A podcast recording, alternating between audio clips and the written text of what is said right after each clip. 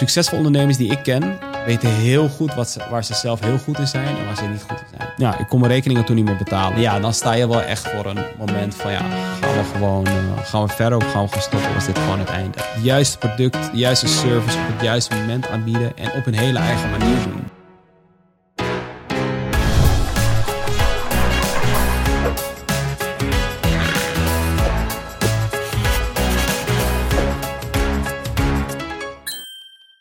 Guillaume, ontzettend vet om hier te zijn, man. Ja, dankjewel. Tof dat je hier bent. Ja, zeker. Dat je de tijd vrij neemt om, uh, om dit te doen, doop, man. Ja, nee, met alle liefde, man. Ik, ja. uh, ik vind het nice om hier te zijn, eindelijk met je te spreken. Ja. Je bent de oprichter van Filling Pieces. Klopt. Uh, super succesvol modemerk, wereldwijd bekend. En jullie hebben gisteren de documentaire Bridging a Gap uitgebracht. Ja. over het tienjarig bestaan van Filling Pieces, from the start till now. Ja. En alles wat daartussenin is gebeurd. En er is nogal een hoop. Dat is heel veel. Heel veel. Ja. Zeker man. Ja. Ik uh, las in een interview dat jij zei van hey, ik um, vind het best wel moeilijk om stil te staan bij hetgeen wat ik allemaal bereik. En dat vind ik soms best wel jammer, want de tijd vliegt natuurlijk. En as you go maak je van alles mee. Ja. Uh, ik vroeg me af, is zo'n documentaire dan ook echt een moment dat je juist wel even kan stilstaan en denkt van holy shit, wat hebben we in die tien jaar niet bereikt, maar ook allemaal doorstaan om hier te komen waar we Het nu is- zijn. Precies wat je zegt is eigenlijk... eh, het is een van de redenen geweest waarom we deze documentaire ook hebben gemaakt. Ook als een soort van... Bijna een soort hommage naar iedereen die heeft meegeholpen. Maar ook wat ik allemaal mee heb gemaakt om even bij stil te staan van waar we nu staan met z'n allen. En ehm, ja, het is gewoon insane om te zien hoe, hoeveel er is gebeurd in de afgelopen tien jaar. Het is echt, het voelt als gisteren dat ik de eerste schoen soort van binnen, binnen kreeg. Uh, maar we zijn alweer ja, tien jaar verder. En, Ja, man. eh, met heel veel eh, les, lesjes die we hebben geleerd. Ja. Crazy. Ik ga even een, eh, dat doe ik niet vaak, maar even een quote eh, uit jullie verhaal halen, omdat dat volgens mij een hele belangrijke is. En ik ben ook wel benieuwd wat de toelichting eh, daarvan is. Ehm, want nogmaals, de documentaire heet dus Bridging the Ja, Gap. ja. Ja. En er staat erbij, we're at a breaking point. People only know us for footwear, but there's way more of who we are as a brand. Guillaume is standing at a unique crossroads for himself and the company. ja, En dan ben ik natuurlijk onwijs benieuwd.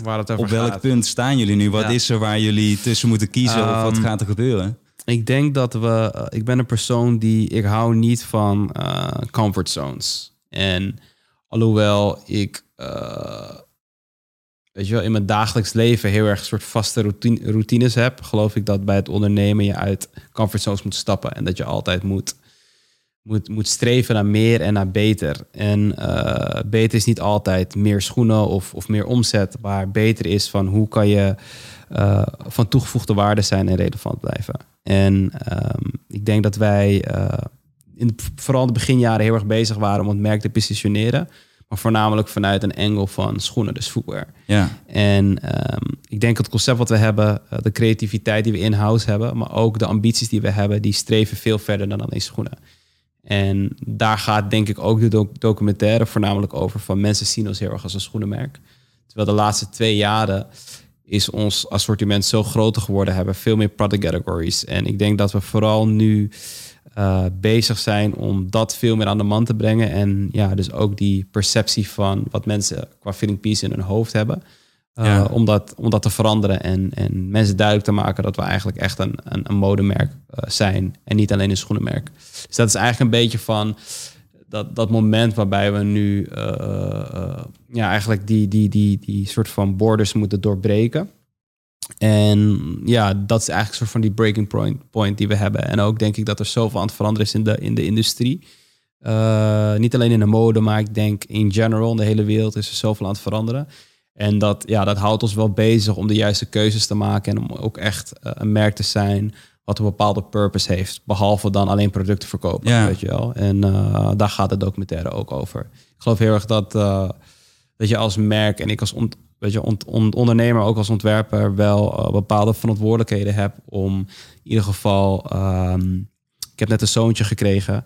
En ja, daardoor heb, voel ik zeg maar nog meer purpose om, om ja, dingen zo goed mogelijk achter te laten voor hem. En, en ook het merk op een bepaalde manier neer te zetten Ja. dat, dat het een purpose heeft. En ik geloof heel erg dat ja, in de mode, eh, vooral als merk zijnde, eh, heb je de kracht om eh, positieve verandering in de wereld te creëren. En ik denk dat dat vooral hetgeen is waar wij op, op focussen als Feeling Pieces zijn. En dat zijn dus al die layers die achter het merk zitten, waarvan heel veel mensen nog niet op de hoogte zijn. Dus vandaar ook de Ik ga documentaire. je even afremmen, want hier gaan we Ja. zo, eh Ja, zo gaan we diep dieper op in. in. Ja, Dus, zeker, want ik ben ja. hier onwijs benieuwd naar. Wat je net al zei, ook gefeliciteerd met je vaderschap. ja, want, eh, dankjewel, dankjewel. Dat is ook iets waar ik nog, eh, nog meer over wil weten. Wat voor invloed dat heeft eh, Zeker, op jou als zeker. persoon natuurlijk en als ondernemer. ja, ja, ja. Ehm, even naar dat nemen van moeilijke beslissingen. Ik weet dat er heel veel jonge ondernemers zijn die zeggen van... hé, ik vind het moeilijk om in de spot... want wat we net zeiden, tijd gaat snel. Dus je moet vaak eh, to the point meteen een beslissing kunnen maken... om het met zelfvertrouwen te kunnen doen, daar vol achter te kunnen staan. Eh, ik hoor toch vaak de mensen zeggen van... ja, ik ben best wel twijfelachtig, weet je, Mm. onzeker dan over die keuzes. Mm. Eh, hoe zorg jij ervoor dat je dat kan doen? En is dat een proces geweest in de afgelopen tien jaar... dat je dat hebt leren doen? Of hoe, hoe zit dat? Ja, ik denk dat eh, ik ben super slecht in keuzes maken. Vraag het aan mijn team. Ehm, ik kom altijd met tien opties en terwijl ik er altijd eentje moet kiezen. Maar ik ben heel slecht in keuzes maken. En ik denk dat eh, de angst om verkeerde keuzes te maken, dat is super menselijk, weet je wel. En ik denk dat eh, along the way ik eh, in het begin, de grote verandering is, in het begin deed ik het vooral op gut feeling.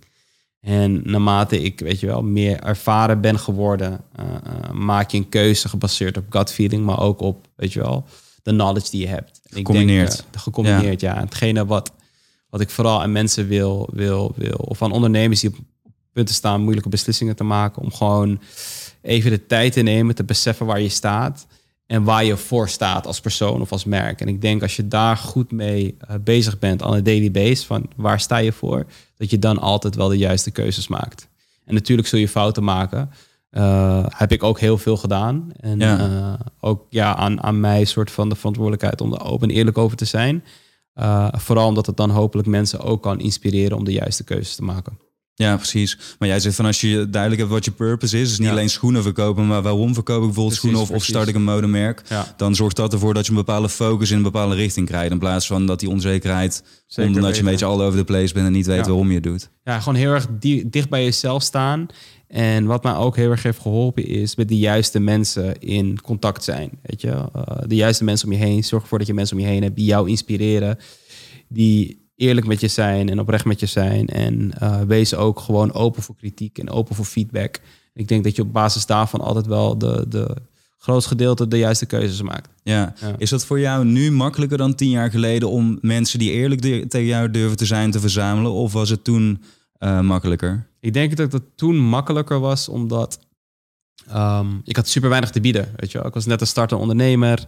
Ehm, ik had net een paar schoenen, een paar samples. Ik wist wel goed wat ik wilde doen. Alleen, ja, ik had niet heel veel te bieden als persoon of als merk of zo. Weet je wel. Dus ik denk dat je dan wel de mensen om je heen verzamelt die echt eerlijk en oprecht met je zijn. Terwijl als je groter wordt en, en succesvoller wordt, natuurlijk komen er dan ja, heel veel eh, mensen aan je deur kloppen, waarvan niet altijd alles oprecht is. Ja. Ja. Hoe ga jij daarmee om? Hoe zor- wat is jouw filter? Of is het ook wel die gut feeling om ervoor te zorgen Ja. dat je dus wel oprechte personen in jouw team en in je omgeving hebt? Ik, ik denk, again, gut feeling en ervaring. En daarnaast ben ik altijd wel open voor iedereen. Ik ben, tenminste, ik probeer zo approachable mogelijk te zijn.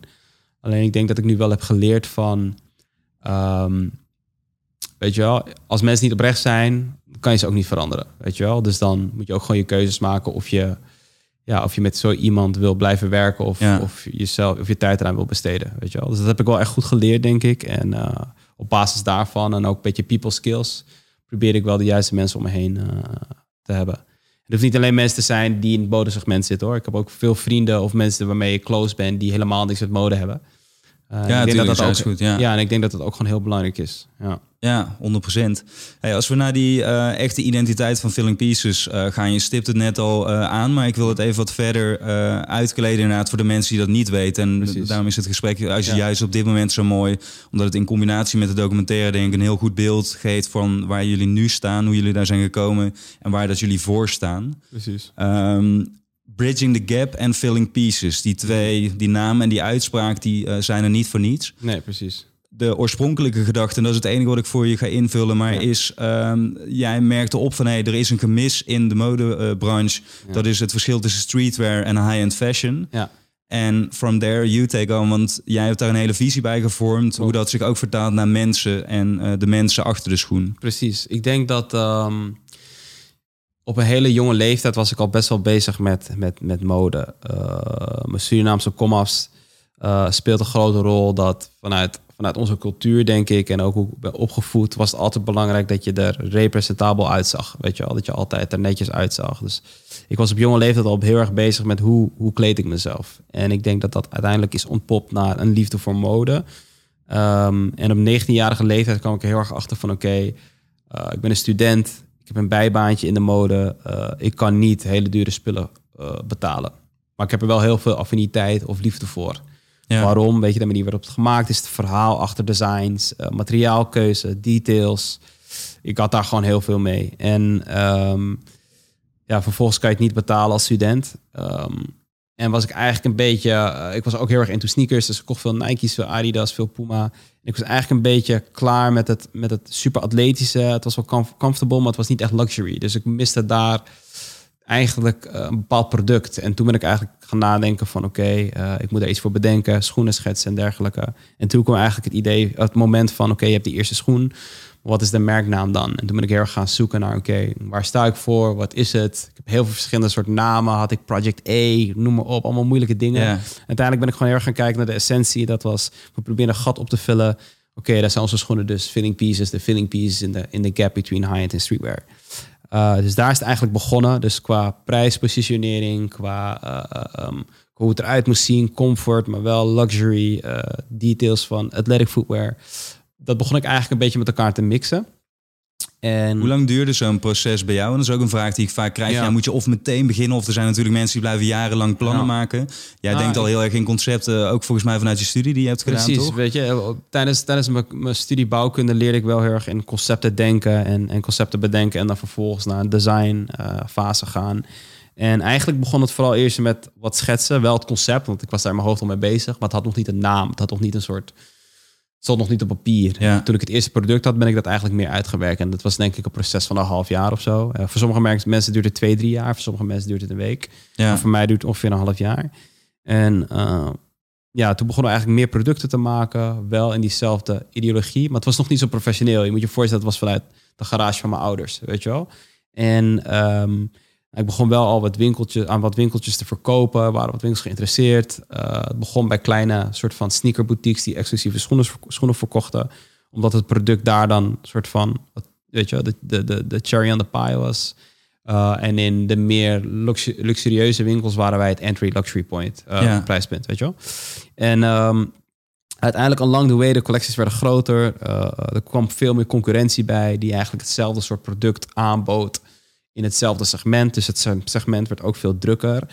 En ja, er begon iets te ontstaan, denk ik. Het heeft ook, denk ik, met Surinaamse cultuur te maken, waarbij uh, ik ben in een heel klein Nederlands dorpje opgegroeid. Uh, Nederlandse school, met veel Nederlandse vrienden. Um, maar ik voelde me wel altijd een soort van buitenstaander. Omdat ik, ja, ja ik heb Surinaamse roots. Van huis uit krijg ik Surinaamse cultuur mee. dus, dus er was altijd zoiets van, oké, ik moet in twee soorten werelden kunnen kunnen, kunnen, kunnen uh, oriënteren, bij wijze van, of navigeren. En wat ik heel snel leerde is dat uh, mijn Surinaamse skills me wel bepaalde normen en waarden mee hebben gekregen, uh, gegeven, mijn opvoeding, waardoor ik ja, verschillende talen kon spreken, bij wijze van. niet letterlijk, maar meer figuurlijk. En um, ik vond dat best wel interessant, omdat ik de Nederlandse cultuur ook interessant vond. Maar ik had ook, weet je wel, Turkse vrienden, Somalische vrienden vroeger op school. En ik vond het heel interessant dat daar al die verschillende culturen iets, iets unieks met zich meebrachten. Ja. En dat heb ik altijd meegenomen in de manier waarop ik met mensen omga, of de vrienden die ik, die, die ik, die ik, die ik leerde uh, kennen. Um, toen ik net mijn eerste schoen had, uh, raakte ik bevriend met toen nog een studiegenoot. Die, die uiteindelijk ook een kledingmerk is begonnen met zijn twee partners. Dat is Hussein van Daily Paper. Ja, ja. en alle vrienden die daarbij zijn komen kijken. En wat ik merkte is dat die diversiteit in vrienden gewoon super belangrijk is, omdat je het je andere inzichten geeft en veel creativiteit met zich meebrengt. Op welk moment kwam dat in je leven? Want in, in Heemskerk, waar je bent opgegroeid, was... Ja, ik had daar ook wel, ik bedoel, voornamelijk Nederlandse vrienden. Maar daar had ik ook wel op school, weet je wel, verschillende, uh, verschillende etniciteiten om mij heen... die mij ook hebben gevormd. Maar voornamelijk begonnen toen ik in Amsterdam kwam wonen... en, en ook, weet je, met die jongens van Daily Paper en dergelijke uh, bevriend werd. Uh, en het uitgaansleven, Amsterdam is een super multiculturele stad daar, daar zag ik het gewoon heel erg naar voren komen. Dus in het moment dat ik uh, uh, de eerste schoenen had en, en, en Uh, vrienden kwamen me helpen. Toen ontstond er sowieso al een bepaalde soort vibe die, die, die super energetic was. Namelijk gebaseerd op, heel veel, op een heel divers beeld. En um, ja, wat ik snel al merkte is hoe het bedrijf ging bouwen en de mensen die we aannamen, dat diversiteit altijd een van de criteria was waar we niet zo geforceerd mee bezig waren, maar het kwam van zichzelf. Het kwam heel organisch omdat ik zo als mens ben en zo ben opgevoed. En wat ik heel erg merkte is dat dat bepaalde soort van energie met zich meebracht. En ook kijkend naar, dieper kijkend naar waar luxury, weet je, high-end fashion vandaan komt. Dat was voor, voor, voor de elite, weet je wel. En streetwear komt natuurlijk uit een veel meer uh, uh, een, een onderdrukte uh, subculture, weet je wel, waar mensen het minder hadden, maar zich wel op een bepaalde manier creatief wilden uiten, weet je wel. Omdat die werelden staan, stonden zo ver van elkaar, omdat het uit hele andere oorsprong kwam. En ik vond het interessant om die dingen bij elkaar te brengen, om mensen bij elkaar te brengen. En uh, dat zag je ook toen de tijd, toen ik net begon met een Kanye West die Jordans droeg, maar met Dior denim en je zag dat die, die, die high-end merken met, met streetwear, dat dat heel goed samenging of zo, weet je wel. En ik denk vanuit die soort van samenkomst van twee verschillende modestromen, maar dus ook culturen, dat ik het interessant vond om die dingen te mixen. En kon dat in die tijd al meteen? Want wat, wat je zegt inderdaad van, van high-end fashion was toch wel gewoon witte elite. Ja. Streetwear, wat je zei, black culture, ja. minorities konden die werelden toen al bij elkaar komen? Of waren dat gewoon twee compleet separate parts en daar, ik, daar was Ik denk dat het, dat het is ontstaan, denk ik, zeker uit twee hele aparte werelden. Dat door uh, middel van, van, van muziek en, en especially hip-hop culture, waar ook wel de liefde voor luxury fashion uiteindelijk vandaan kwam. En het mixen van die stijlen, dat het meer approachable en accessible werd. En uiteindelijk, uh, toen ik begon, uh, 2019, 2020 was het eigenlijk er al. Het werd al gemixt, maar je had niet echt een merk wat daar nou per se op, op, op inspeelde. Je had een, een, een Billionaire Boys Club Ice Cream van Pharrell Williams en Nigo. Nigo, de founder van Babe. Ja. Dat was eigenlijk, toen ik begon, was dat merk bestond al. En je zag wel al dat zij streetwear deden met een meer luxury feel en prijskaartje. Dus ik zag wel dat het gaande was, alleen op lokale schaal was dat vooral in footwear gewoon was dat er niet, weet je wel. En toen zijn wij daarmee begonnen. Natuurlijk is die space wat drukker geworden met meer concurrenten en andere merken. Maar ik denk dat omdat wij een van de eerste waren en een van de, de pioneers van, van het vullen van dat gat, ja. dat we hier vandaag de dag nog steeds zijn. En uh, ik denk dat we altijd true zijn gebleven naar dat concept. En vervolgens is daar ook de hele Bridging the Gap soort van uh, uit ontstaan. Namelijk, we willen dat gat vullen ook tussen verschillende mensen, tussen verschillende culturen en disciplines. Dus de kunstdisciplines. Dus daarom zijn we heel veel bezig met muziek en met, met beeldende kunst. En we proberen al die dingen met elkaar te mixen, omdat er zoveel raakvlakken zijn. Ja. En hoe Nike de Just Do It heeft, hebben wij Bridging the Gap. Omdat dat overkoepelend is voor alles waar wij voor staan en, en wat wij doen. Dat is een soort van de higher purpose dat wij hebben als merk. Ja, wat enorm vet man. Dat je dat met je merk eh, kunt gaan bereiken. Want ik, ik kan me voorstellen dat je dat in het begin misschien wel uh, ideologisch gezien in je hoofd had. Van nou, als dat toch ooit zou kunnen. maar totdat je daar bent natuurlijk, uh, daar zit nog een groot verschil tussen. Ja, en ik denk ook de, de het heeft ook, het klinkt allemaal soort van super logisch als je het vertelt. voor de mensen die het voelen.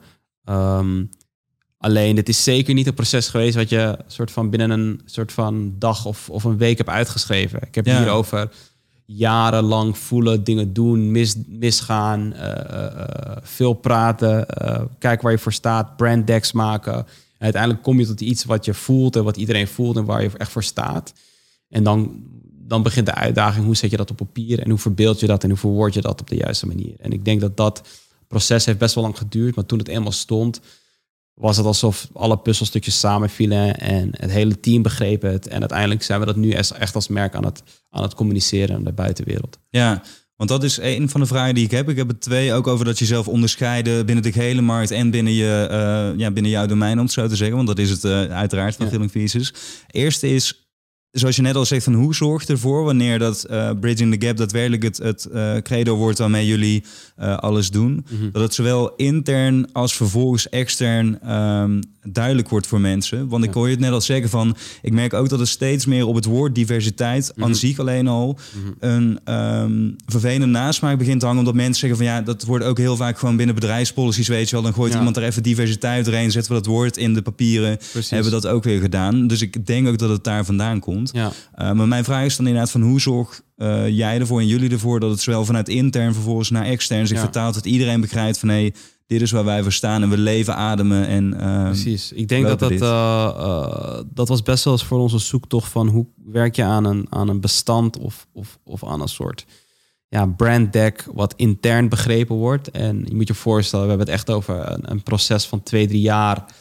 Ook intern altijd de juiste manier communiceren met elkaar en ook blijven uitleggen waar we voor staan. Ik denk dat Ja. het heel belangrijk is dat alle koppen de juiste kant op zijn, staan als dat op de juiste manier wordt ingericht. Dus het was best wel eerst voor ons de, de uitdaging, hoe kunnen we intern uh, iedereen op dezelfde lijn krijgen, dat we over voor staan. En dat heeft echt, uh, om ook voor de kijkers het meer een soort van uh, idee, om, om, voor de kijkers een beter idee te krijgen van uh, waar we voor staan. Dat, dat gaat zo gedetailleerd in hoe je bijvoorbeeld zelfs een vacature online zet. Of hoe je je selectieproces doet van welke mensen nodig je uit voor een sollicitatiegesprek. Ja. Het heeft te maken met de copy in een Instagram caption. Het heeft te maken met de copy van een, een Google ad. Het heeft te maken met als wij een feestje doen, hoe zorgen we ervoor dat de muziek, uh, dat de hele soort van experience daarop gebaseerd is. Dus het gaat in alle kleine details waar misschien niet iedereen uh, ja, dat ziet of daar, daar, daar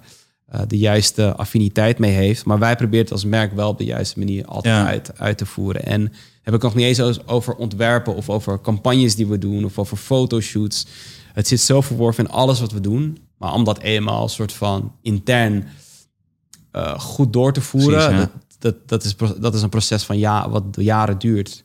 En dan komt nog eens, hoe kan je dat op de juiste manier naar de eindconsument vertalen? En ik, ik weet zeker dat nog geen 30% van alle klanten of mensen die Feeling Pieces kennen, uh, het verhaal wat ik je nu vertel, begrijpen of weten. Ja. Maar daarom is een documentaire voor ons zo belangrijk om dat op de juiste manier in te steken. Dat het hopelijk, hopelijk, hopelijk een stuk ja, uh, film is waar mensen dan het verhaal van Feeling Pieces begrijpen. En ook begrijpen waar we voor staan. En hopelijk van ons gaan houden daardoor. Ja, 100%. En wat jij zegt van, ik, ik weet, 60 man team hebben jullie onge ja, ongeveer, ongeveer toch? Pak ja, een. Met, met, met, met part-timers en, en, en Ja. freelancers erbij. Ja. Nou, als je ki- kijkt, 29 verschillende etniciteiten, geloofsovertuigingen, seksualiteit, eh, da- daar begint het natuurlijk al. Hè, van wie lopen hier intern Precies. rond binnen het team. En wat jij zegt, van, ja, ik denk dat een heel groot deel altijd bewust en onderbewustzijn is. Want bewust is als je het heel duidelijk gaat zeggen van ja, kijk, dit is Precies, het. ja. Maar onderbewust, wat jij net noemt, de muziek inderdaad, in de designs verwerkt. Ik vind dat ook zo vet aan Daily Paper. Ik heb heel veel vanuit hun designs geleerd over bepaalde cultuur. Omdat ik dan dacht van bijvoorbeeld, oh, deze graphic, waar staat het voor? Ja, ja, En dan ging ik verder, zoeken, verder uitzoeken Ja, dat doen, zij, dat doen zij echt heel sterk.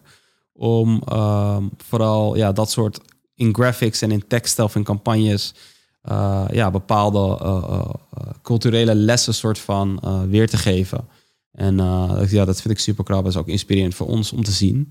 Maar ik denk dat dat wel een soort van de dieper meaning is. En ik denk ook dat dat, dat soort dingen zorgen dat een merk hier over twintig jaar nog staat. Weet je wel, hopelijk. En, Ja. en, en ja, weet je wel, merken die alleen op product focussen, die kunnen heel veel geld verdienen op een bepaald moment. Maar ja, voor de long run heb je wel meer nodig dan een, een nice product. Weet je wel. Zeker, ja. Ja. En ik zeg zelf ook vaker van juist die, die purpose, die zorgt er ook voor dat al die uitdagingen die continu maar je kant op komen, een soort van de lange adem Precies. bevestigen waar, waarom je het doet. En ik geloof wel dat er natuurlijk wel een aantal mensen zijn die gewoon zeggen van nou, I'm in it for the money en dat drijft mij ook Ja, genoeg. ja. Maar ik denk dat de meeste mensen, eh, en dat, dat, ja, daar heb ik zelf ook het meeste mee natuurlijk, eh, daar wel een dieper layer onder hebben zitten waarom ze uiteindelijk doen wat ze doen. Precies, ja. ja, ja. het geeft je eh, ook meer purpose, denk ik. En, en, en, en meer doorzettingsvermogen. Ja. Ja, tuurlijk. Ja. En, en letterlijk je verhaal wordt er, als je het echt dus ook eh, eh, leeft wat je schrijft, Ja. ook een stuk Sterker beter door. Ja, zeker, zeker. Ja. Hey, je zijn net al vader geworden in maart, als ik het goed heb gelezen. 11 maart. Ja. allereerst gefeliciteerd daar natuurlijk mee, want dat is een hele mooie uh, een mijlpaal is, uh, dat je gegund is. Ja, ik denk wel, mijn, ik zeg altijd best collaboration. Ja. Tussen mij en mijn vrouw, ja. Nee, ik ben super blij en ehm, ik moet eerlijk zijn dat ik ook wel op op uh, punt op in, in het leven stond dat ik er echt klaar voor was. Mijn vrouw ook. Dus we zijn super dankbaar dat we een eh, gezonde jongen hebben uh, op de wereld hebben kunnen zetten. Ja. En, En die uh, naam is ook nog een dingetje bij ja, jullie, ja. Ik- hij, het heet, gezien, hij ja. heet eh, eh, Philibert Guillaume. Um, Ja. Ik heet Guillaume Philibert. Philibert is mijn tweede naam. is niet mijn achternaam, maar mijn tweede naam. Ja. En eh, mijn vader heet, eh, eh, heet eigenlijk dan weer Philibert Guillaume. Zo heet mijn opa in ieder geval. Dus ik probeer die traditie heel erg door te zetten. En, eh, Heel vet. Dus dat is eh, ja, een, een stukje traditie wat doorgaat. En eh, ja, zoals je al zei, van een extra motivatie en, en ook eh, meer purpose. Ik kom op een bepaald punt in mijn leven dat ik zoveel bezig was met werk.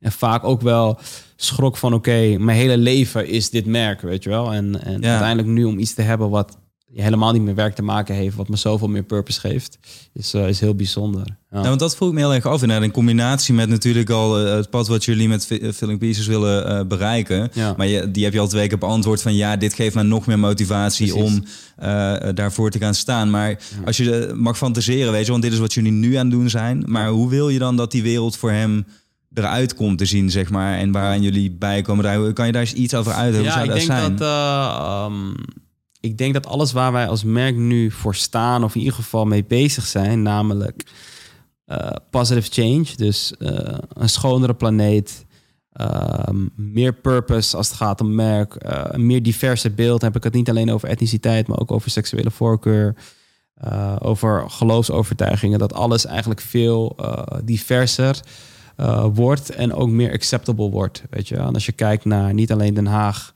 en de politiek, eh, ja, is het niet heel divers. Terwijl als ik kijk naar Amsterdam als samenleving, ik bedoel, de, de- het beeld van Amsterdam is super divers. Dus hoe Ja. kunnen we dat op, op een bredere schaal trekken?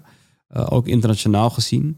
En dat is wel een beetje hoe ik de toekomst voor, voor die kleine zie, weet je wel. En dat geeft mij ook nog meer purpose om te doen wat we doen, om, om dat nog breder neer te zetten. Ja. En, eh, dat Groeit hij al eh, in een andere wereld op dan dat jij deed? Want wat jij omschreef net is van thuis Surinaamse cultuur. Ja. Heel erg meegekregen. Ik denk zodra je naar buiten liep was het dan weer vaak eh, Nederlandse cultuur. Ehm, ik heb uit mijn research eh, bleek dat jouw vrouw is, is Nederlandse. Nee, Armeens. Oh, ja, Armeens, Armeens. Armeens, Ja, ze is van een Nederlands paspoort, Nederlandse burger, maar ze is oorspronkelijk oorsprong is Armeens. Ja, Een hele bijzondere cultuur. En eh, ja, zoals je zegt, denk ik ook wel dat hij natuurlijk half Armeens is, half Surinaams. Eh, dat het voor hem sowieso anders is. Maar ik denk wel dat hij eh, hopelijk straks als hij naar de middelbare school gaat en dergelijke, dat weet je wel, met het plan wat we nu hebben om gewoon in Amsterdam te blijven wonen, denk ik wel dat hij een, een hele andere toekomst heeft. Of in ieder geval een andere jeugd heeft als, als ik heb Ja. meegemaakt. Ja. Ja, want daar ben ik zo benieuwd naar inderdaad. Want er zit natuurlijk een, eh, behoorlijk aantal jaren verschil tussen. Van, van, is er dan überhaupt al vooruitgang eh, Ik denk het wel. Ik denk dat we elke dag vooruitgang boeken hoor. Precies, Eh, dat, in, eh, in positieve zin. Ja, in positieve zin. Als je kijkt naar eigenlijk alle, ja, alle, alle seintjes, tenminste alle gevoelen, eh, gevoelens die ik heb rondom eh, veranderingen, positieve veranderingen, eh, denk ik dat er gewoon heel veel, heel veel, gaande, heel veel gaande is. Ja. Ja. Dus hij gaat gewoon met Surinaams eten naar school. Ik denk het wel, ja. ja, ja, ja, zeker, zeker. Nice, daar, daar schaamde ik me vroeger voor. Ik nam altijd gewoon een boterhammetje mee. Precies, ja. Eh, dus eh, ja. Nice man, ik, eh, ik gun het hem van harte. En Ja, dat, thanks, dat gaat zeker Thanks, lukken man. met jullie, jullie inspanningen. Dankjewel. Hey, even ehm, eh, terug naar de docu. Ja. Tien jaar lang, allerlei ups en downs. Je hebt van alles meegemaakt. Daarom zei ik net ali- niet alleen wat jullie hebben bereikt, maar ook wat jullie hebben doorstaan. Precies. Jij in beginsel natuurlijk, want jij bent het allemaal gestart en nu met jullie grote team. Wat is het grootste eh, dieptepunt in die tien jaar tijd geweest? Goeie vraag. Ehm, nou, we, hebben, we, hebben, we hebben best wel veel dieptepunten meegemaakt, om heel eerlijk te zijn. Ehm, een van de dieptepunten was dat ik, eh, wat eigenlijk als voorbeeld ook weer een soort positief verhaal is geworden. Ehm, ik bestond geloof ik twee, drie jaar en we werkten heel veel samen met een winkel in Amsterdam.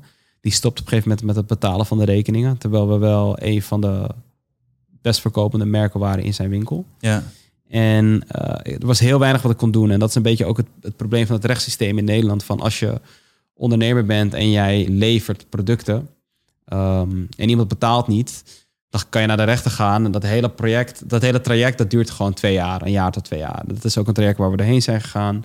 Maar ik stond wel op het punt om als bedrijf, toen moest, ik- moest ik doorgroeien. We waren net, eh, hadden we eh, de hele productie in Portugal lopen. Produceerde namelijk eerst in China. Daarna zijn we naar Portugal Ja. verhuisd voor, voor heel wat eh, voordelen. En ehm, ja, ik kon mijn rekeningen toen niet meer betalen. Dus eigenlijk stond ik gewoon met mijn rug tegen de muur. Nou, op zo'n moment kan, kun, kan, je, kan je stoppen Of kan je doorgaan, weet je, zoeken naar mensen die je willen helpen, financieel gezien of, of, of, of dergelijke. En Want in de, in de modewereld is cashflow best wel een probleem, denk ik, toch? Probleem en, erg belangrijk. Ja, je moet elk, elk je werkt, je werkt eigenlijk een half jaar vooruit of een jaar vooruit zelfs.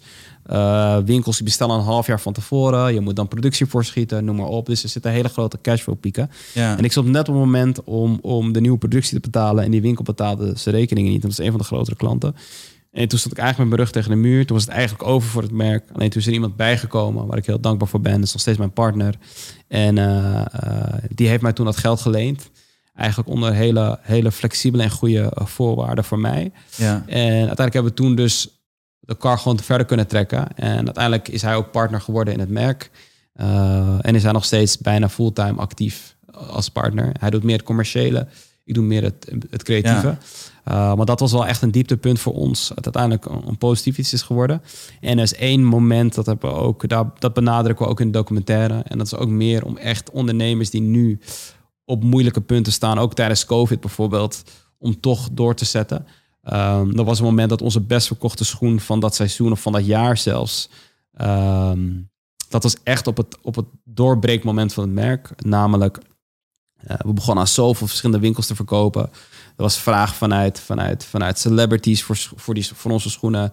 Het was echt het moment dat ik voelde van oké, nu gaan we doorpakken. En toen zat er een schoen in de collectie. Uh, wat gemaakt had uit, uit een soort piramideachtige vorm uh, van rubber. En er waren samples gemaakt, een jaar van tevoren. Nou, ik heb ze gedragen, alles is goed. Vervolgens hebben we die schoen basis van die sample de schoenen uh, verkocht naar verschillende winkels. En dat was voor heel veel winkels het eerste seizoen dat ze met Fitting Peace begonnen te werken. En daar zat die schoen dus in die collectie. Ja. En elke winkel had hem ingekocht. Zeg maar, elke, elke Fitting Pieces retailer waarmee we werken had hem ingekocht. Um, die schoenen werden op een gegeven moment geproduceerd. We hebben het over 13.000 paar schoenen uh, in drie verschillende kleuren.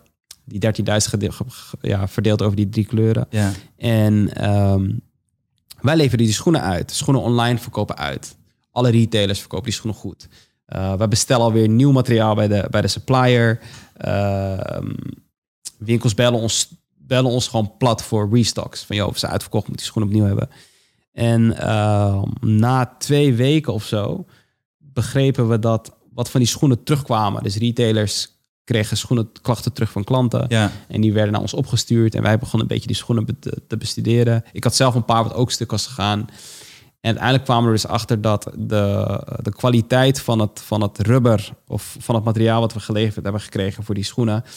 Uh, van mindere kwaliteit was. En optisch met, met het blote oog kon je het niet zien. Alleen onder microscoop hebben we echt naar de, de samenstelling van het materiaal gekeken. En bleek dus des, uh, des te anders te zijn. Dat het gewoon sneller stuk ging. En heb ik niet over een half jaar draag je schoenen in stuk. Ja, dat ja, over man. een week of twee weken de schoen draag je schoenen ja. stuk. Dus hebben we 13.000 paar schoenen moeten terughalen. Zo. Mensen moeten terugbetalen. En uh, ja, ja, die schoenen hebben we gewoon... Uh, ik, geloof, dat we nog, op, nog een paar duizend paar in, in de opslag hebben staan. Nooit, want er is niks meer mee, mee Nee, we, konden, ook, we, ja. konden er, we konden er niks mee doen. Schoenen waren al gemaakt. Uh, claim bij de supplier was bijna niet te doen, omdat hij alles zodanig had afge, afge, afge, ja, juridisch had afgekaderd ja. in, zijn, uh, in zijn aankoopfacturen en overeenkomsten. En ja, dan sta je wel echt voor een moment van ja, gaan we gewoon uh, gaan we verder of gaan we gewoon stoppen? Was dit gewoon het einde? Uh, uiteindelijk toch doorgezet en, en toch met de juiste collecties en de juiste mensen weer uh, verder kunnen, kunnen, kunnen bouwen. En ik weet zeker dat we heel veel vertrouwen hebben verloren bij, bij heel veel van de retailers, maar ook klanten die het voor het eerst van in pieces kochten. Ja, natuurlijk man, ja. Dus dat was een hele zware en ook echt een zwaar dieptepunt waar we toen in 2000, geloof ik, 2014 of zo, 2015 tegenaan liepen.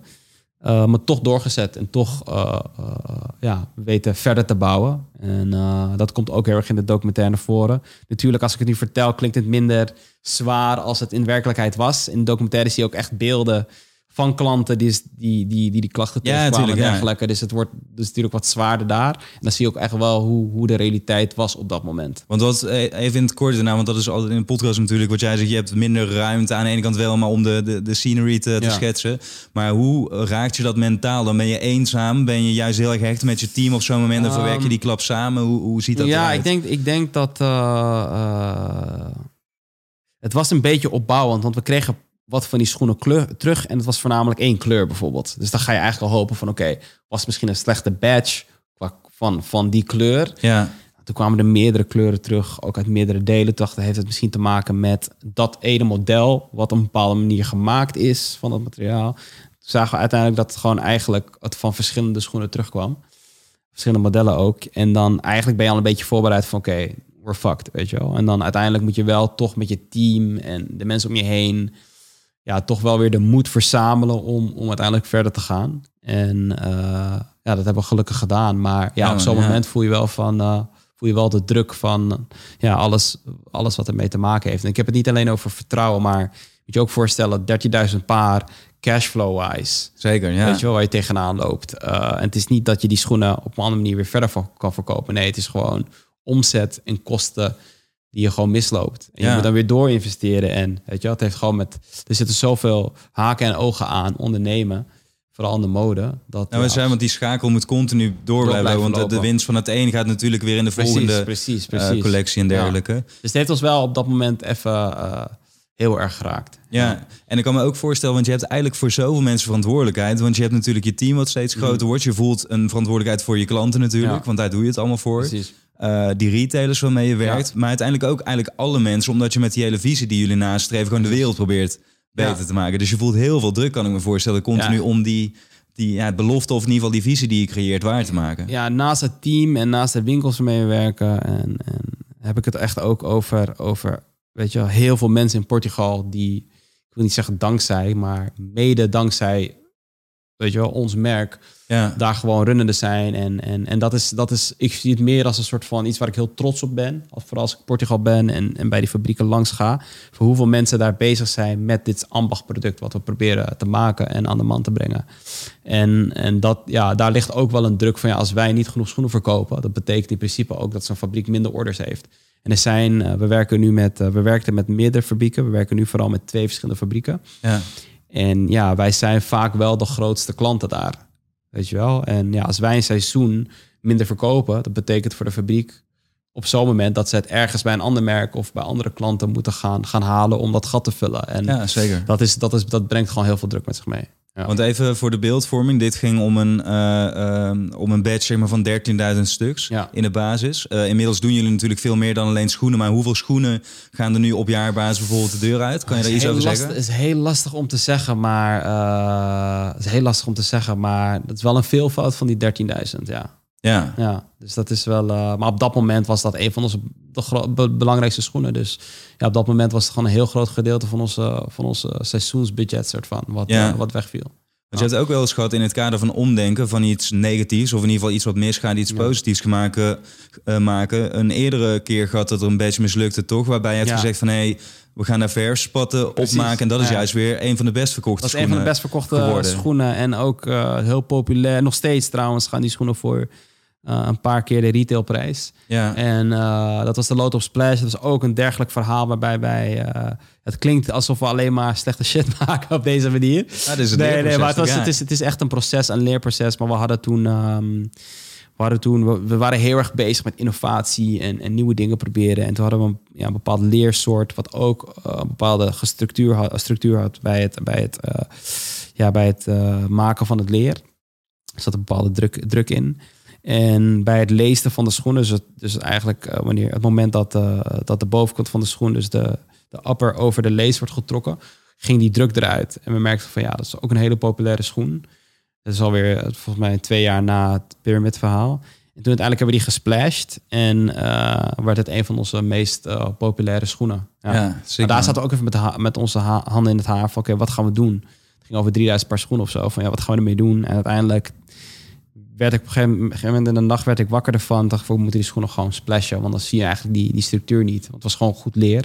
Ja. Ehm, en uiteindelijk ja, een van de best verkopende schoenen geworden. En dat splashen, was dat iets wat al op de agenda stond om een keer te doen? Nee, nee, nee. Het was gewoon echt, op wat voor manier kunnen we, op een wat voor toffe manier kunnen we eh, ja, die, die missende druk of missende patroon in dat leer maskeren, bij wijze van. Ja. En, eh, ja, dat is het toen geworden. Ja, sick man. Ja. En je zegt net ook van, ja, nu lijkt het alsof we alleen maar eh, slechte shit maken. Maar jullie hebben inmiddels meer dan duizend schoenen volgens mij ontworpen in al die jaren tijd. Ja. Dus eh, er was dat een periode dat we duizend verschillende schoenen ontwierpen per, eh, per seizoen. Zo. Maar daar zijn we nu wel echt van, van, van teruggedraaid. Ja. Niet dat ze alle duizend werden gemaakt hoor. Maar Nee, maar we foto, weet je wel, met, met Illustrator, alle cats die we maakten, technische tekeningen en zo.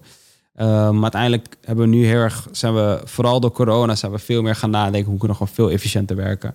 En we zijn veel meer gaan, gaan kijken naar wat zijn de bestsellers, hoe kunnen we die op de beste manier blijven innoveren daarop. En veel meer focus, want we kwamen er heel erg achter dat zoveel verschillende schoenen zo moeilijk marketable zijn. En ik geloof wel echt dat we nu in een, in een maatschappij leven waar een product gewoon heel zichtbaar moet zijn. Mensen moeten het niet alleen op je website zien. Nee, ze moeten het op straat zien. Ze moeten hun beste vriend erover horen of een beste vriendin of een neef op een verjaardagsfeest moet je het toevallig erover hebben. Ze moeten een ad op Instagram langs zien komen. Ze moeten een poster buiten zien hangen. Ik heb ze gezien toen ik hier naartoe Ja, uh, grappig. Ja, we hebben toevallig nu een, uh, voor de, de, kleding die we doen, hebben we een campagne lopen. Um, ze moeten hun weet je, favoriete artiest of Lewis Hamilton moet ze in de schoenen zien. En op zoveel raakvlakken moet, denk ik, de consument in aanraking komen met je merk, totdat ze uiteindelijk gaan kopen. Want het is niet dat mensen opeens iets zien, oh ja, dat moet ik hebben. Nee, ze moeten echt meerdere keren gezien hebben. Ja. Uh, en we merken heel erg, ja, om dat op de juiste manier voor heel veel producten te doen, dat is gewoon onmogelijk. Dus we hebben heel erg gekozen om focus uh, op bepaalde delen van de collectie en dat gewoon zo goed mogelijk te marketen. Ja. ja. en op het duur krijg je dus ook een aantal classics, kan ik me voorstellen. Of in ieder geval pieces die echt gewoon tot de verbeelding spreken en voor filling pieces staan. Precies, precies, uh, precies. Ja. ja. dat hebben we nu wel, ja.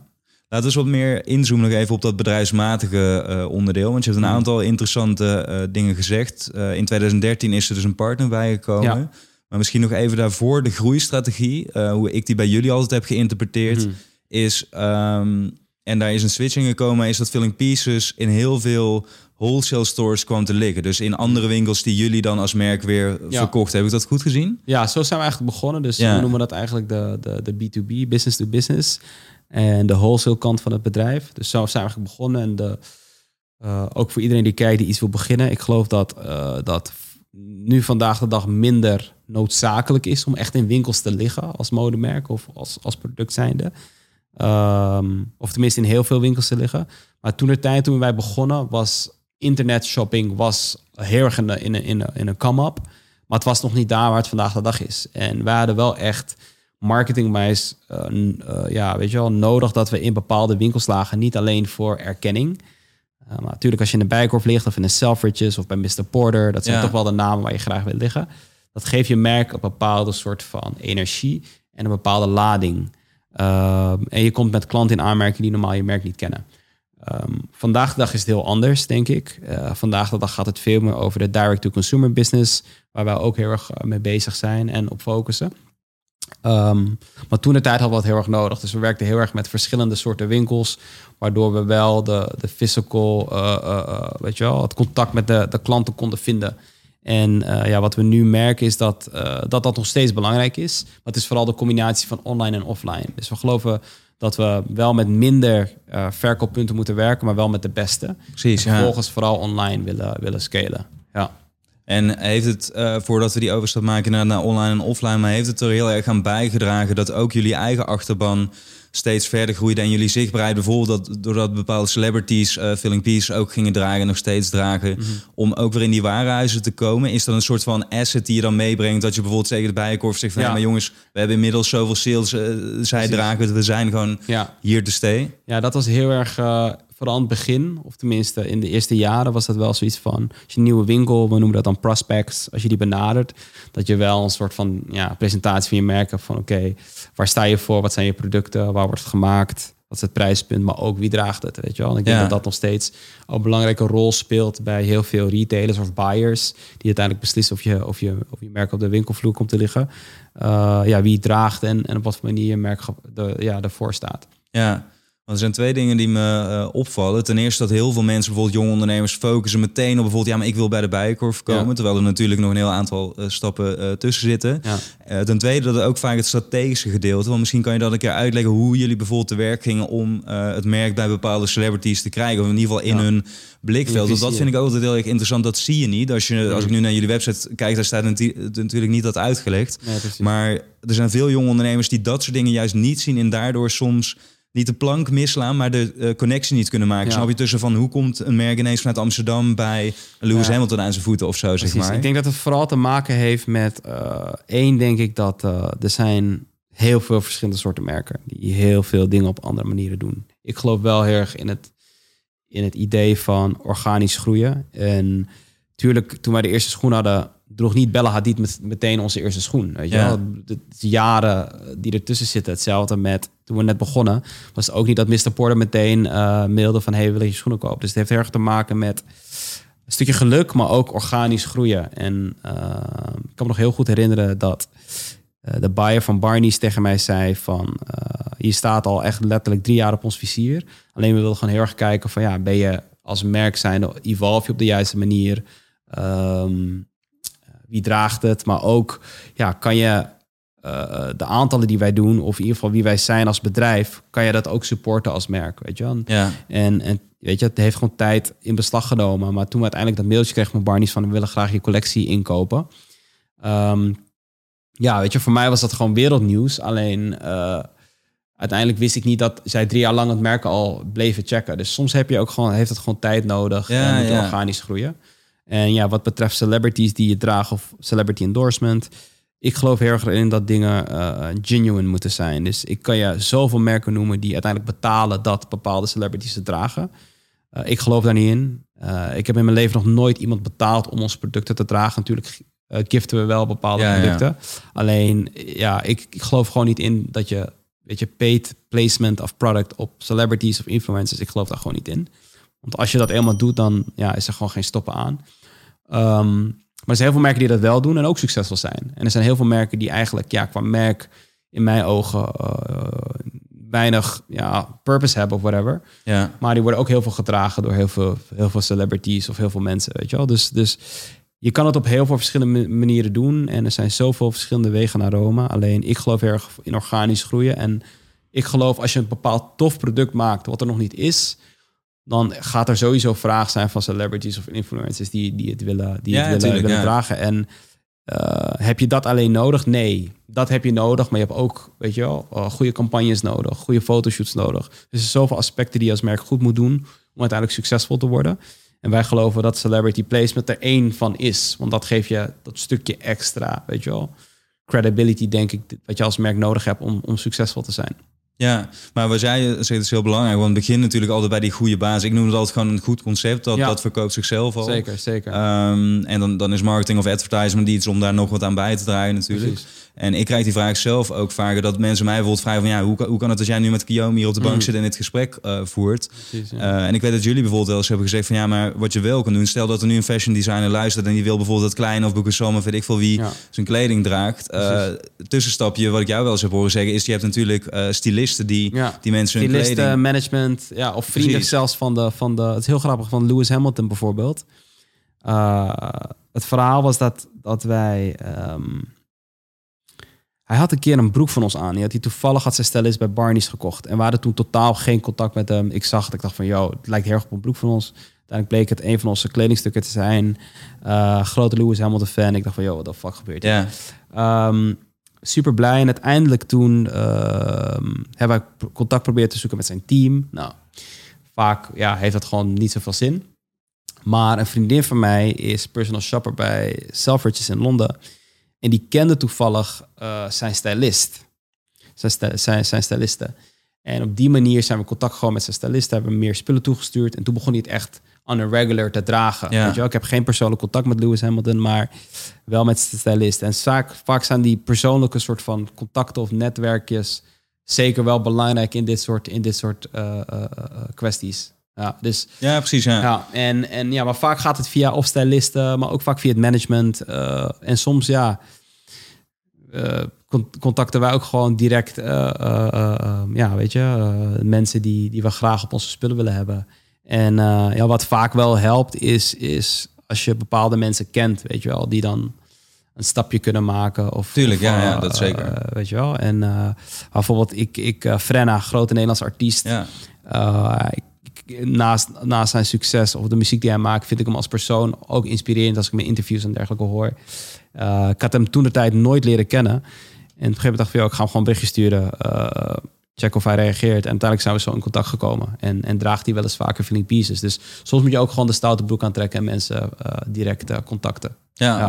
100%. Maar kijk inderdaad, wat werkt en een beetje tussen rails door van oh, niet meteen inderdaad naar de allergrootste artiest, maar zoek die, nee, die ja, schakels vaak ook de, ertussen. de, ja. de, de tussenschakels, ja. En wat wij, ja, waar ik heel erg uh, altijd geïnteresseerd in ben, is dat celebrities hebben ook een soort laten we zeggen, influencers waar zij naar opkijken. En Tuurlijk, ja. uh, ja, wat, wat, wat je nu met social media veel beter kan doen. En vroeger kon dat niet, maar nu veel beter is dan uitzoeken van wie zij volgen en waarom ze bepaalde mensen volgen. En uh, weet je, alle grote stylisten kijken ook op naar bepaalde influencers, terwijl zij ook een soort van influencers zijn.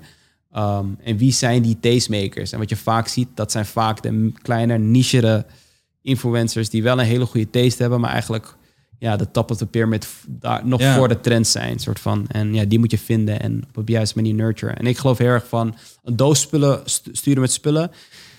Die shit werkt niet. Nee, man, dat sowieso. We hebben vroeger ook wel eens geprobeerd, maar die shit werkt gewoon niet. Dus je moet heel erg soort van persoonlijk contact of de stylist een keertje ontmoet hebben of die connectie hebben met een goede vriend of vriendin van de stylist. Ik denk dat dat soort persoonlijke relaties veel belangrijker zijn. En als je eenmaal beet hebt, dan een, een, een genuine relatie opbouwen. Weet je? Iets wat echt is. En dan is het ook voor de long, de long run.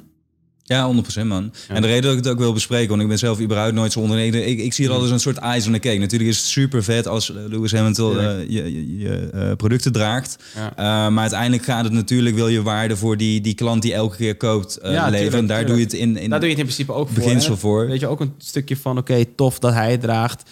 En, en, maar uiteindelijk ben ik gewoon heel eerlijk met je. Er zijn maar denk ik een paar celebrities op deze planeet die echt ervoor kunnen zorgen dat een merk of dat een product meteen verkoopt. Weet je, ik geloof zeker dat de Kardashians, ja, als zij iets dragen, dat je gewoon diezelfde dag ja, honderden ja. van die pieces verkoopt. Alleen, ja, ik kan je met alle eerlijkheid zeggen, we hebben best wel vaak grote, hele duidelijke placements gehad. Maar het is niet dat wij die dag uh, honderd van die stuks verkopen. Precies, Integendeel, weet je wel. Dus het heeft heel erg te maken met de perceptie van het merk wordt erdoor versterkt. De, de experience van het merk wordt erdoor versterkt. Maar het is niet meteen dat je je handjes kan wrijven, achteruit kan zitten en uh, uh, die Ferrari bestelt. Zo werkt het niet. Ja. Nee. Nou, ik vind het top dat je zegt, want ik hoor namelijk heel vaak jonge ondernemers die zeggen van ja, maar nee, maar ik moet eerst of dus in die bike of komen te liggen, of eerst door een celebrity worden Ja. gedragen, Ehm, eh, of ik moet meer volgers op social hebben, want anders dan gaat mijn uh, gaan Ik geloof dat het allemaal vanzelf gaat. Als je een tof eh, concept hebt, een goed product, gaat dat vanzelf. Dan weten mensen jezelf wel te vinden. Ehm, ik had laatst nog een gesprek, een gesprek met iemand die zei van ja, weet je wel, eh, eh, eh, eigenlijk gaat het toch alleen maar om hoeveel mensen je producten dragen en celebrities die het dragen, whatever. En dat is totaal niet de case. Althans voor ons niet. Ja, Weet je wel? En eh, er gebeurt zoveel achter de schermen waardoor een merk of een bedrijf succesvol wordt. En het heeft, dat is één stukje ervan. Weet je wel? Maar een goed concept, een goed product, goede aftercare na je sale. zeker. Ja. Ja, dat zijn voor mij de belangrijkste, echt wel fundamentele pilaren van een succesvol bedrijf runnen. Ja, dat is ook wat je zegt natuurlijk. Hè. Ook veel jonge ondernemers die meteen bezig gaan met logos, huisstijlen, dat soort Ja. dingen. Terwijl deze essentiële onderdelen allemaal, als je dat continu door blijft voeren, dat is je branding natuurlijk Precies, gewoon. precies, precies. Ja. Hey, ehm, het laatste wat ik graag met je wil bespreken, omdat ik weet dat dat ook best wel een, een turning point is geweest, Mhm. om echt de, de bedrijfsstructuur op te zetten. Da- Daar zitten natuurlijk zoveel onderdelen bij. Jullie Ja. team bestaat nu ook uit eh, veel verschillende afdelingen. Ja. Eh, is die partner die je benoemde, die in 2013 dan eh, de, erbij is gekomen. Ehm, kan je eens omschrijven wat dat voor verandering Zeker teweeg weten, heeft gebracht? Zeker weten, ja. Een, een hele belangrijke verandering. Ehm, namelijk moet je je voorstellen, hij kwam erbij. Ik was geloof ik 22, 23. Ehm, ja, eh, echt een broekie, zeg maar. Supergroen. Eh, had een leuk product, een goed verhaal. Eh, ik had al wat winkels die het, die, die, die, die het kochten. Alleen, ja, het was eigenlijk nog een one-man show Ja, wel met potentie, weet je wel. En ik geloof heel erg dat, eh, weet je wel, op dat moment, weet je, je maakt een keuze om een partner erbij te halen. Je gaat een BV oprichten, de holding, noem maar op. Uh, met aandelen aan de slag, hoe je dat gaat verdelen eh, en dergelijke. En ik heb toen heel erg gekozen van, nou, ik heb liever minder van heel veel dan heel veel van heel weinig. Ja. En dat is ook wel echt een, een, een, een, ja, een advies naar andere ondernemers van succesvolle ondernemers die ik ken, weten heel goed wat ze, waar ze zelf heel goed in zijn en waar ze niet goed in zijn. En ik, voor mij was het best wel duidelijk van waar ik goed in was en waar ik minder goed in was. En eigenlijk met de partner die ik heb gekozen, of die op mijn pad is gekomen, die heeft heel erg een soort van mijn zwaktes eh, weten eh, te ondervangen. En ik denk dat dat wel een van de belangrijkste punten is als je onderneemt. Wees gewoon heel duidelijk van waar je wel goed in bent en waar je niet zo goed in bent. En als je dingen die je niet, waar je niet zo goed in bent, probeert die ontvangen met of, of een partner, of personeel, of mensen die dichtbij staan die je willen helpen. En ja, op dat moment, ja, hoe je een bedrijf runt, weet wel een beetje hoe je een merk weet je, op de markt Ja. in de markt kan brengen of in de markt kan zetten. Maar ja, hoe je een heel bedrijf eh, eh, opbouwt, ik had daar totaal geen ervaring mee. En hij heeft vooral die expertise gebracht. eh, waardoor we ook echt zijn kunnen gaan bouwen. En dat we een fundament hadden om die groei die, we, die, die, die eraan kwam, eh, Ja, om, die, zeker. om die aan te gaan. En je moet je voorstellen dat ja, ik deed alles zelf. Dus, dus van de administratie tot de orders bij de fabrieken plaatsen, tot de schoenen ontwerpen, techpacks maken, eh klanten, weet je, klantenservice doen met mensen Ja, die ja. online bij mijn kleine webshopje toen al wat, wat schoenen kochten. Zeg maar, schoenen naar, naar, de, naar, naar het postkantoor brengen, inpakken, you name it. Weet je wel, ik deed eigenlijk alles zelf. Wat me heel erg heeft gevormd en de ervaring en de experience mee heeft gegeven. Maar uiteindelijk is dat gewoon niet te doen, vooral als je Ja. wil scalen. Dus we begonnen eigenlijk met, oké, we hebben vooral, waar zit de grote, het grote punt? Ehm, marketing kon ik allemaal zelf doen, design ook. Dus waar zit de grote, het grote punt wat je niet goed kan? Administratie, eh, productie. Eh, en daar zijn we toen eigenlijk mensen voor gaan vinden. Operations zijn we iemand voor gaan vinden. Eh, en toen eigenlijk kwamen er steeds meer belangrijke key partners of, of mensen bij. En toen hadden we een soort fundament van een team van tien mensen. Ja, Uh, dat was toen echt al best wel veel voor waar we stonden. Ehm, maar daardoor konden we uiteindelijk, uiteindelijk doorgroeien. Mensen hadden echt eh, een overzicht van ja, wat zijn mijn responsibilities. En toen zijn we eigenlijk door gaan groeien. Dus had ik die basis nooit gebouwd, dan waren we überhaupt nooit zo ver gekomen, denk ik. Of het had veel langer geduurd dan het vandaag de dag heeft geduurd. nou, want dan had het nog steeds allemaal op jou gerust natuurlijk. Ja, was iedereen bij jou aan je, aan je bureau komen staan van... hé, wat moet ik hier, wat moet ik Precies, daarmee op de duur is dat niet... Dus ik, het is heel belangrijk dat je een goede basis neerzet als bedrijf. En ehm, ja, je mag, mag je best weten, we hebben echt in de eerste jaren al, al, alle winst die we hebben gemaakt terug geïnvesteerd. Ja, Zodat we zo snel mogelijk kunnen groeien, zodat we best wel eh, ja, eh, onafhankelijk wa- waren. En eh, ja, op die manier doorscalen. En ehm, ja, ik, ben, ik, ik hou heel veel van, van, van mooie auto's en, en, en dingen. Noem maar op. Maar ja, in de beginjaren was het echt keuzes maken. En, en eh, mag je best weten, ik geloof dat de eerste auto die ik kocht was, eh, wat is het? Vijf jaar geleden of zo, weet je wel. En ik Ja, denk ja. dat toen hadden we al best wel grote omzet en, en waren we best wel bekend als merk. En eh, ja, het heeft gewoon heel erg te maken met de keuzes die je maakt. En ik geloof heel erg dat het bouwen van een merk, wat er voor de langterm is, daar moet je heel veel tijd en ge- en geld in stoppen. En dat geld wat je erin stopt, hoeft niet altijd meteen iets op te leveren. Maar ik denk dat ik trots ben waar we als merk staan. En dat heeft ook wel, eh, ja, dat is mede mogelijk gemaakt omdat we heel veel hebben teruggeïnvesteerd. ja zeker man. En Ja. terecht dat je trots bent. Want nogmaals, ook waar we mee begonnen in die tien jaar... is zo mooi wat jullie hebben bereikt. En dit is nog maar het begin natuurlijk. Je, je bent nog super jong. Hoe oud ben je nu? Ik ben nu 31. 31, nou, Ja, we zien dat. eh, en, dan heb je dit al, eh, dit al Ja, staan. Dus, dankjewel, eh, dankjewel. Ja, we have a long way to go still, maar Ja. we, zijn, we, zijn, we zijn goed bezig. ter afronding, want de focus is dus steeds meer gegaan vanuit alleen maar, of ja, alleen maar, maar in ieder geval een, een grote focus op wholesale. Ehm, je hebt nu al één eigen winkel toch hier in Amsterdam. Ja, we hebben een, kleine, een kleinere winkel, hoe noemen we dat? Een satellite store. Het is niet heel Ja. klein, 120 vierkante meter. Maar voor, voor wat we eigenlijk aan retail experience willen aanbieden, is het aan de kleine kant. En vandaar ook de keuze dat we nu in een nieuw kantoor zitten met eh, een flagship store op begane grond. En die flagship store wordt echt een, een ik zou, ja, bijna een soort creatieve hub. Maar vooral een experience store waar we eh, ook qua ligging, we liggen net achter de Dam, naast het Ja. W Hotel, naast het Soho House, naast Magna Plaza. Het is wel een plek waarvan wij heel erg geloven dat het een energizing plek moet worden voor de stad. Dus je moet denken aan workshops, pop-up shops, maar ook panels over verschillende topics, ook eh, sociaal, maatschappelijke topics, waarbij we echt dicht bij onze community blijven staan en eh, die community verder uit kunnen, kunnen, kunnen, kunnen bouwen. man. Ja, en ja, dus het, de- het doel is niet alleen verkoop, maar ook echt het, het laden van het merk en, en, en ja, eh, vooral de retail experience op een andere manier te benaderen. En daarnaast is online gewoon steeds belangrijker voor ons. En geloof ik dat, zoals ik net zei, de combinatie tussen online en offline is extreem belangrijk. Namelijk, mensen moeten eerst je product passen, voelen, aanraken, weten dat het goede kwaliteit is, die experience in de winkel hebben ervaren. En dat ze dan uiteindelijk het merk tof vinden en blijven kopen. Ja. En dan kopen ze, blijven ze wel online kopen. Maar ik denk dat dat stukje fysieke retail echt belangrijk is om mensen uiteindelijk over de streep te trekken om je merk eh, te kopen. En denk je dat het voor iedereen geldt? Of vooral, want jullie zitten toch eh, eh, ook naar Nederlandse standaarden wel wat meer in een high-end segment dan in Ja. een low-end, laat ik het zo dan even Maar ik omschrijven. denk dat het heeft heel erg te maken met waar je voor staat als merk, Ja. waar je in gelooft, maar ook het product wat je aanbiedt. En ja, ik geloof wel dat voor het product wat wij hebben, wat toch een, een bepaald prijskaartje heeft, ik geloof heel erg in een noble price point. Maar we zijn zeker niet goedkoop. moeten mensen wel eventjes het aangeraakt hebben en ervaren hebben. Weet Ja. je wel? En dan dat ze online verder blijven kopen. Uh, natuurlijk heb je fast fashion. Ja, daar heb je eigenlijk geen winkel voor nodig. Want het is zo makkelijk en toegankelijk om online dingen te kopen. Ja, ja. Ehm, Maar, ik geloof dat voor ons merk waar wij voor staan, dat het wel echt belangrijk is en noodzakelijk dat we de, de fysieke experience aan de klanten kunnen aanbieden. Ja. Ja. Hey, ik wil je bedanken, man. Dankjewel. Ik ben super blij dat we het eh, hebben kunnen doen. Ja, Eh, we kennen elkaar natuurlijk al een tijdje. En ja, heel tof dat we het op dit moment hebben kunnen doen. En ook met eh, Ja. ja. alle de documentaire en de winkel die we gaan openen. Ja. Nou, ik vond het dus ook een heel mooi moment inderdaad. Dat ik dacht van, nou, ik, ik ben eigenlijk wel blij dat het nog net iets Precies. langer heeft geduurd. Omdat dit Heb ik- gewoon... Hebben we iets te vertellen in ieder geval. Ja, nee, 100% toch? Ja, ja, zeker. Hey, ter, ter afsluiting. ehm, ik kan je nu gaan vragen, dat wordt vaak weet je, heb je één tip? Eh, Ja. Die, die hoef ik niet van je, want ik weet dat er geen één tip is. Mhm. Ik ben wel benieuwd, want je spreekt heel veel jonge mensen. Ook heel veel verschillende jonge mensen.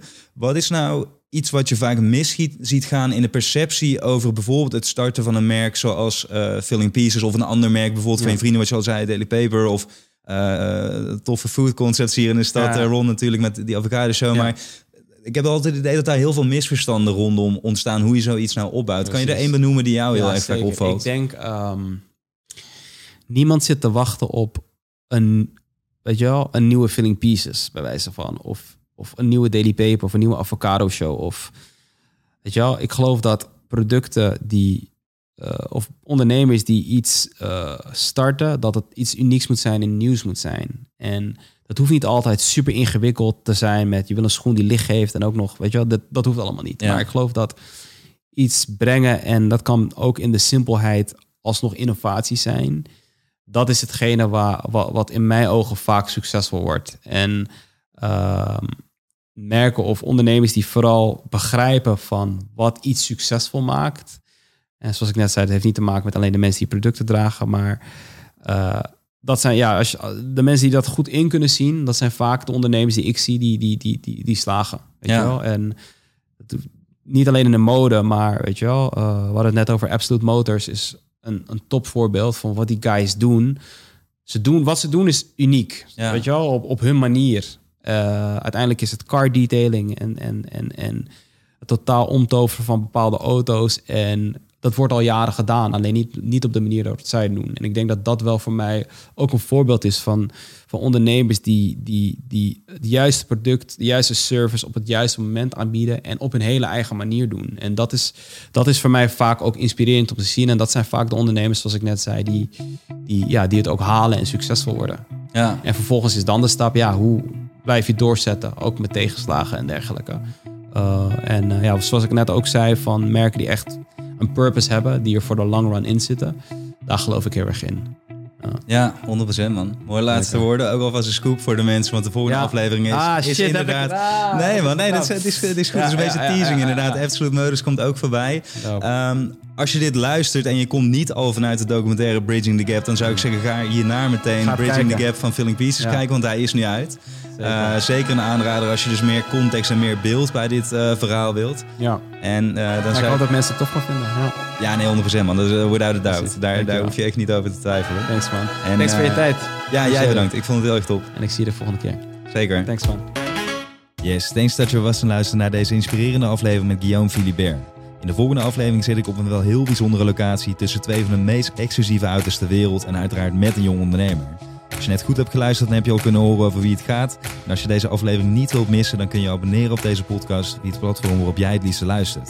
En ik zou het heel erg waarderen als je mij wilt laten weten wat je van deze podcast vindt. Wat je kan doen door een reactie achter te laten op socials, het Jongens de Podcast, of door een review te schrijven aan Apple Podcast. Dus laat van je horen en tot de volgende aflevering.